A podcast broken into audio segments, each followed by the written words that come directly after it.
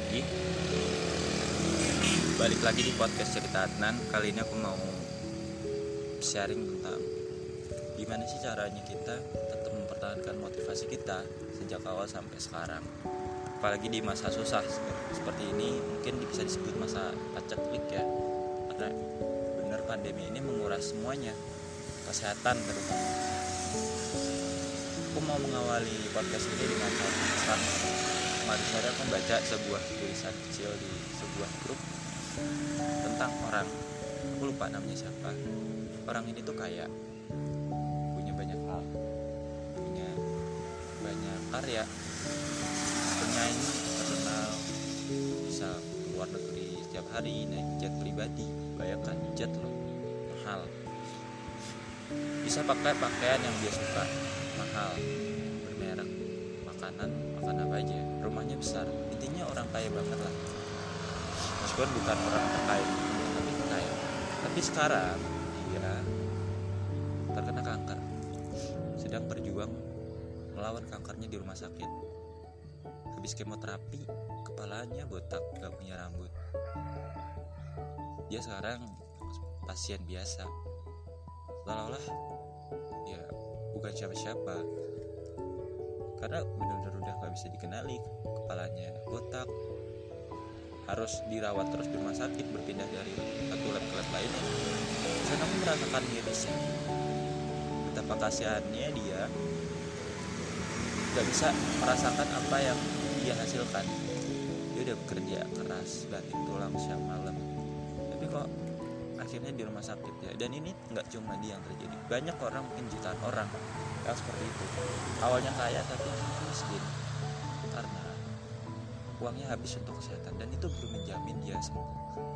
Buat kita teman-teman yang masih sehat meskipun nggak punya uang nggak punya apa-apa dalam kaitannya material selama kita sehat dan masih bisa makan meskipun sederhana disyukuri aja aku juga makannya sederhana. Tapi alhamdulillah masih sehat. Dan sehat itu teman-teman itu nikmat terbesar kedua setelah waktu luang waktu uang harta benda pertemanan. Itu di bawah dua itu. Jadi nikmat pertama itu waktu luang. Selama kita punya waktu selama itulah kita bisa mengubah apa yang kita lakukan hari ini. Waktu kita untuk mengubah untuk menjauhkan duka tuh cuma ada dunia ini teman-teman. Kalau udah meninggal ya sebelum dihidupkan lagi itu udah nggak bisa. Kecuali kita buat karya di dunia karya itu dibaca didengar orang merasakan manfaatnya baru nambah pahalanya secara pasif atau pasif income. Tapi selama kita punya waktu di dunia maka kita masih bisa mengubah. Dulu mungkin kita buruk ya bisa jadi orang baik dulu kita pernah tersesat sekarang kita bisa di jalan yang lurus. Semuanya tuh masih bisa berubah. Kita bisa belajar dari siapa aja dari alam. Ada yang kita takut dengan kritikan orang. Jangan pedulikan. Kata atau lambat dia akan capek sendiri karena nggak diperhatikan. Kita ini uh, bisa memilih kita bisa merespon setiap hal yang penting. Tapi kondisi lingkungan itu adalah di luar kendali kita. Kita nggak bisa kendalikan itu sepenuhnya. Jadi balik lagi ke bagaimana cara kita mempertahankan motivasi ya. Bersyukur caranya. Bersyukur karena kita udah ada sampai detik ini. Berarti kita masih diberikan kesempatan untuk memperbaiki hari kemarin memperbaiki apa yang masih salah.